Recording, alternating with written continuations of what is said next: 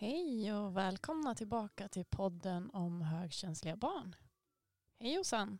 Hej hej! Tina! Hur har du det? Är det fint? Härligt. Ja. Jag med. Gött. Vi ska alltså prata om högkänsliga barn i skolan. Ehm, och vi tänkte börja med att nämna några drag som är utmärkande för högkänsliga barn. Hur man kan märka av högkänsligheten i skolan. Eh, Och dels är det här att de påverkas väldigt mycket av det sociala klimatet och hur andra mår. Ja, det har jag märkt det här med just att de kan ta illa vid sig vid konflikter. Även när konflikten inte gäller dem utan de tar på sig konflikten och bearbetar den. Att den gjorde så, den sa så. Att de engagerar sig i konflikter som de egentligen inte är delaktiga i. Just det. Om andra barn är ledsna och sådär också. Mm, tar på sig andras känslor. Sen lägger de ju också märke till de här små subtila förändringarna. Ehm, som avvikande dofter, om någon lärare har någon stark parfym eller om det är något starkt ljud eller eh, om läraren använder något eh, hårt tonläge eller så kanske. Just det där med starka dofter, det känner jag igen. Eh, då var jag visserligen lite äldre, men på de här när man hade lite längre prov i skolan och man fick lov att ha sig fika med. Och eh, då var det många som hade frukt med och det är någonting som jag har svårt för så är det lukten av banan. Jag vet inte vad det är. Men, och det störde ju mig jättemycket i koncentrationsförmåga just när någon öppnar en banan. Och bananen är typ den vanligaste frukten alla har med sig för den är så smidig Det att var med inte lätt för dig på prov med andra ord. Eh, Något annat som är utmärkande för de högkänsliga skolbarnen är att de ofta är högpresterande och ställer höga krav på sig själva. Eh, Ganska ofta är de perfektionister och kan reagera väldigt starkt om någonting de gör inte blir perfekt. Någon skrivläxa eller sådär. Att de kanske svarar fel på någon fråga eller så. Mm, det har jag märkt av. Just det här att eh, minsta lilla fel kan bli en katastrof och leda till överstimulering. Ibland om man kanske inte är utvilad, man är trött efter skolan och ska göra läxan. Och där kan det vara svårt som förälder ibland att avväga när man ska påtala något som kanske inte var riktigt rätt. Verkligen. De är, har ju en tendens att bli väldigt hårda mot sig själva. Mm. Och sen så är det ju också så att de pratar ju inte särskilt ofta i onödan eller svarar på frågor som de inte är liksom 110% säkra på. Just av risken för att kanske svara fel. Mm, och där kommer jag ihåg när jag gick i skolan att jag tyckte det här med muntliga prov var ganska jobbigt. Just det här när läraren kunde peka på någon och be nu ska du svara på den här frågan. Och jag hade ganska stor oro inför dem. Jag ville mycket hellre ha skriftliga prov. Mm. Och det kunde inte mina klasskompisar förstå. För de tyckte ju att det var mycket bättre med de muntliga. För då slapp man plugga så mycket. Man inte kunna allt. Ja, nej, Man kunde ofta det. slingra sig lite. Och, ja, men, jag känner igen mig i det som du beskrev. Jag vill också mycket hellre ha skriftliga prov. Ehm, sen är de ju också oftast väldigt observanta och snabba på att förstå och ta till sig ny information och sådär. Ofta nyfikna. Och ganska Ja. lätt för att lära många gånger. Just det, och det kan göra också att de upplever att repetition, att det är lite tråkigt och onödigt. Just det, de har redan snappat upp det där. Liksom.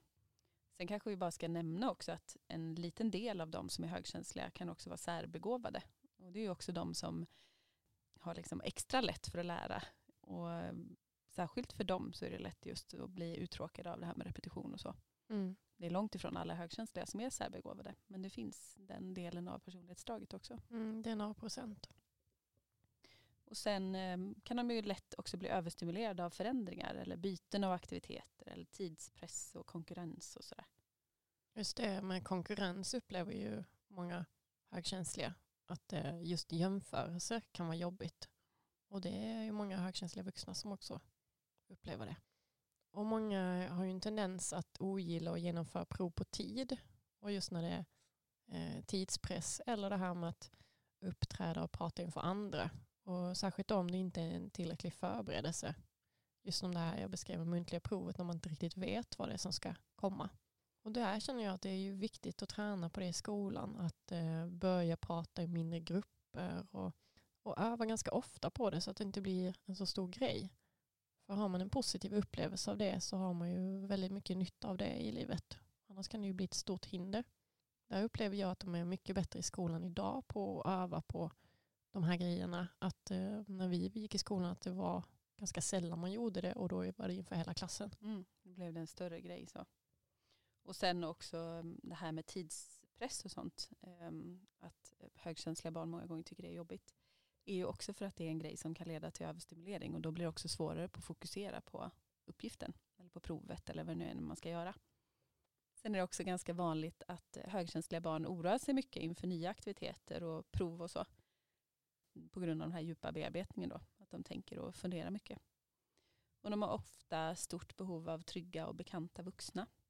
Och stort behov av förutsägbarhet och trygga rutiner. Och någonting som kan vara jobbigt för högkänsliga barn är, är överlämningar. Till exempel vid lämning på morgonen eller hämtning på eftermiddagen. Eller vid byten av aktiviteter innan det högkänsliga barnet är färdigt liksom, med det de håller på med.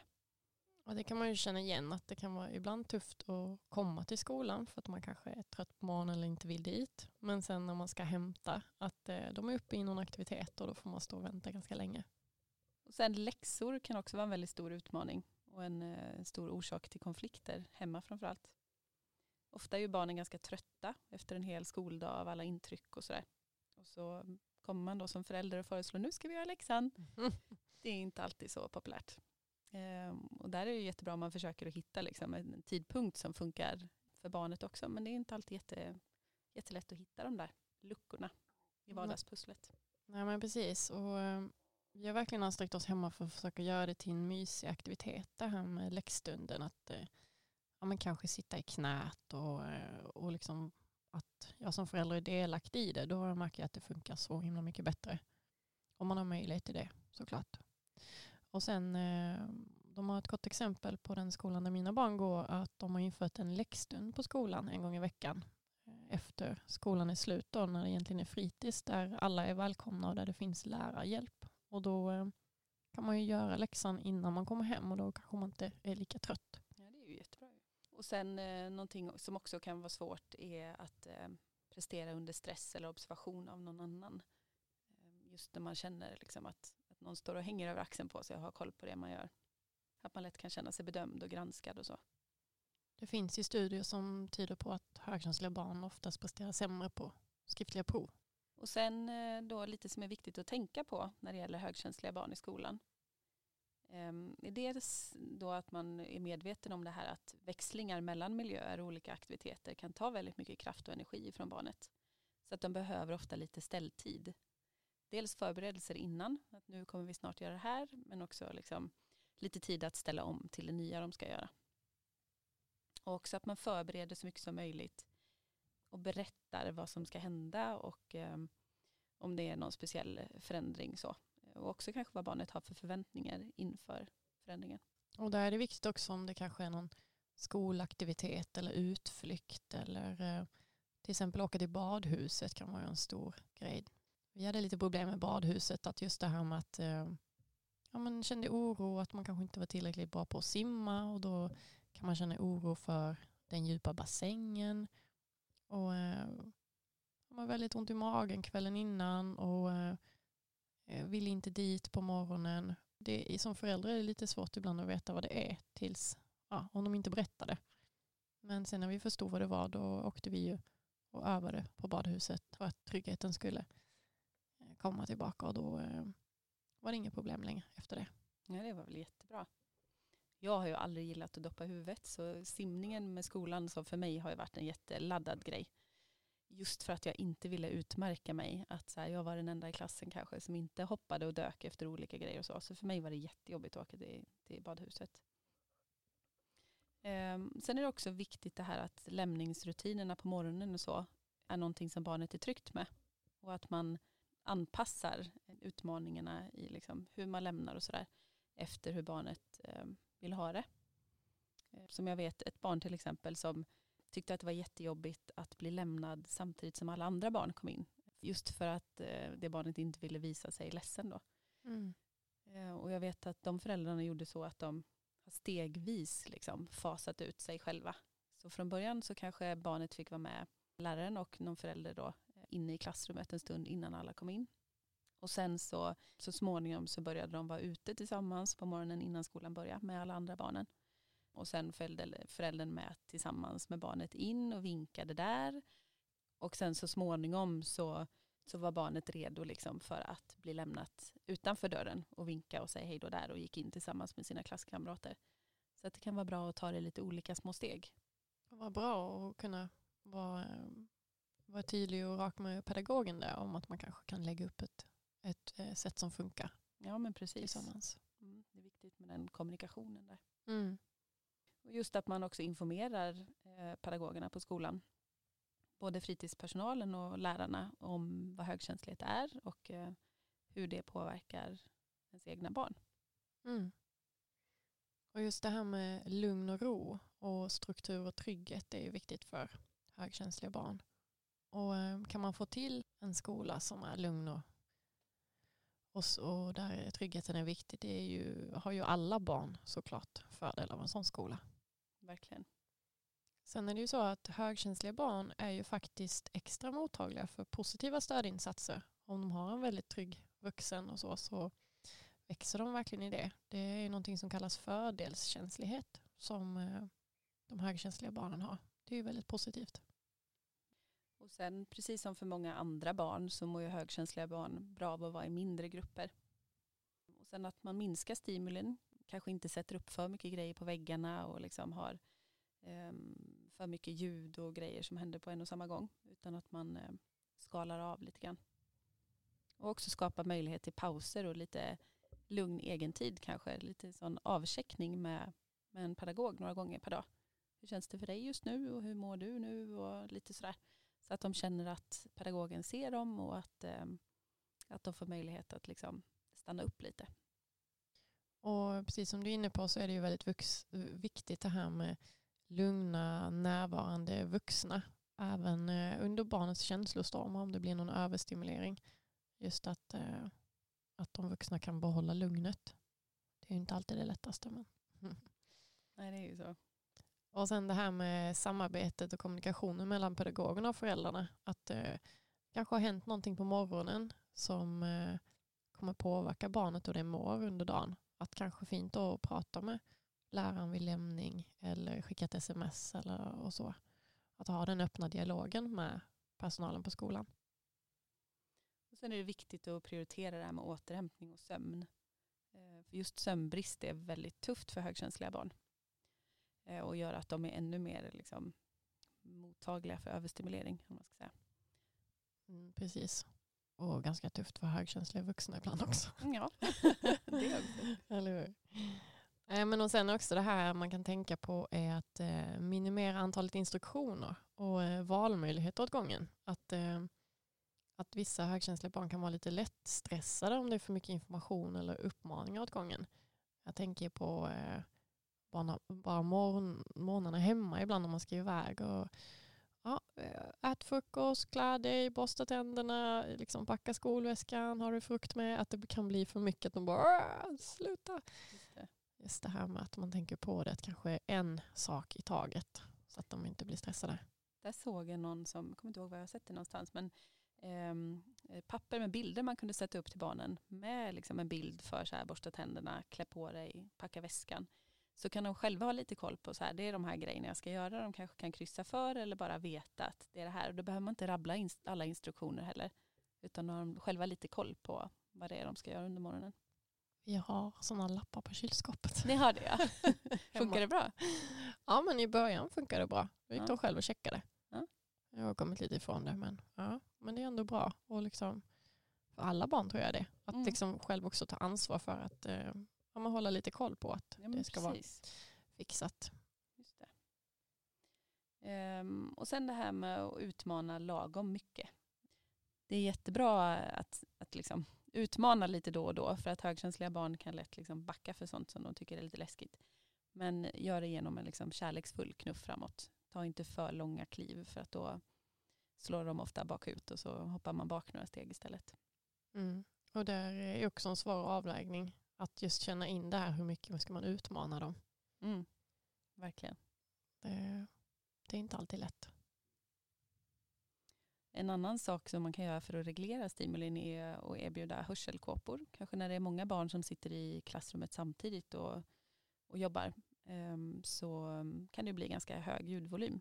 Och då är det jättebra att det finns tillgängligt att ha hörselkåpor. Det är jättefint. I mina barns klassrum har de haft det sedan förskoleklassen. Och då blir det inget konstigt heller när någon använder det eftersom det är naturligt redan från början att någon kan gå och Det är ta jättebra. hörselkåporna. Ja, det tycker jag är jättebra. Och sen att man stöttar barnet i att ta några pauser också lite då och då under dagen. Ehm, för det är lätt att de liksom hänger med i tempot av alla andra och så glömmer de bort liksom att de blir ganska trötta i slutändan. Så bara ja, men ta, ta någon kort paus liksom då och då. Och eh, se till också att de får återhämtning efter överstimulans.